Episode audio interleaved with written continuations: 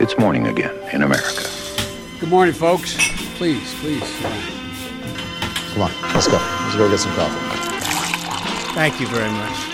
Det er tirsdag 31. mars. Senatorer etterforskes for mulig innsidehandel. Joe Biden starter podkast, og morgenkaffen er servert. Det amerikanske justisdepartementet skal ha startet gransking av aksjesalg som flere senatorer skal ha gjennomført etter å ha vært til stede på lukkede brifinger om koronaviruset. Blant senatorene som nå angivelig granskes, er Richard Burr og Kelly Loeffler, replikanere fra henholdsvis North Carolina og Georgia, som begge solgte seg ut av en rekke aksjeposisjoner i midten av februar, like før markedene krasjet. Just after Burr sold those stocks, he even told a gathering at the Capitol Hill Club in D.C. the virus could be very bad, according to a recording obtained by NPR. It's probably more akin to the 1918 pandemic. Burr says the NPR report is a tabloid style hit piece that knowingly and irresponsibly misrepresented his comments. He wants an ethics investigation to prove he did not use inside information to protect his bank account.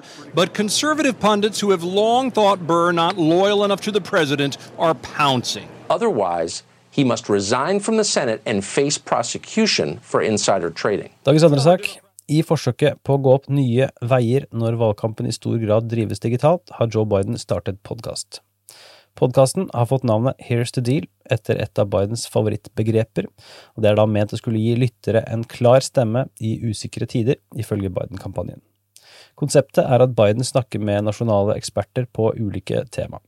I den første episoden, spilt inn i forrige uke og sluppet på mandag, så snakker Biden med Ron Klein, hans tidligere stabssjef, som også var sjef for Obama-administrasjonens håndtering av ebolakrisen. Every hour. So I wanted to have this conversation with you uh, now, if I could.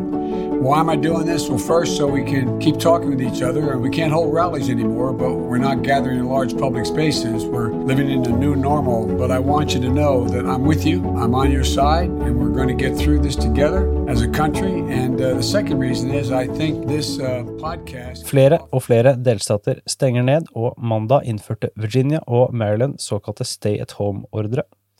Dette innebærer at delstatenes innbyggere pålegges å holde seg hjemme med mindre de har helt nødvendige ærend ute. Det er nå 27 delstater som har innført slike restriksjoner i USA. Et estimat fra Federal Reserve viser at opptil 47 millioner jobber kan gå tapt i USA i løpet av resesjonen forårsaket av koronaviruset.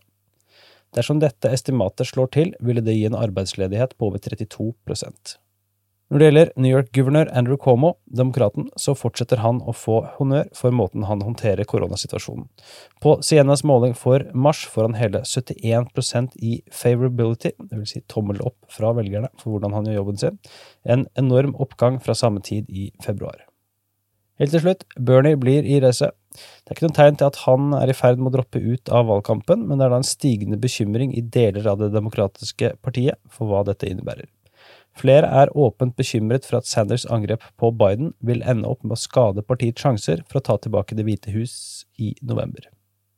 I 2016 så fortsatte jo Sanders sin valgkamp i flere måneder etter at han var matematisk utelukket fra å kunne vinne nominasjonen, og det finnes stemmer i partiet som mener at denne manøveren fra Sanders var med på å frata Hillary Clinton seieren mot Donald Trump. I år er situasjonen imidlertid en helt annen, ikke minst fordi nominasjonskampen får langt mindre oppmerksomhet midt under koronakrisen. Dagens utgave av Morgenkaffen er servert av Sigrid Rege Gårdsvold og undertegnede Are Togoflaten. I dag må du også få med deg 2020, en helt ny episode der jeg og Henrik Østensen Heldal og Vårin Alme snakker om det som skjer i USA for tiden.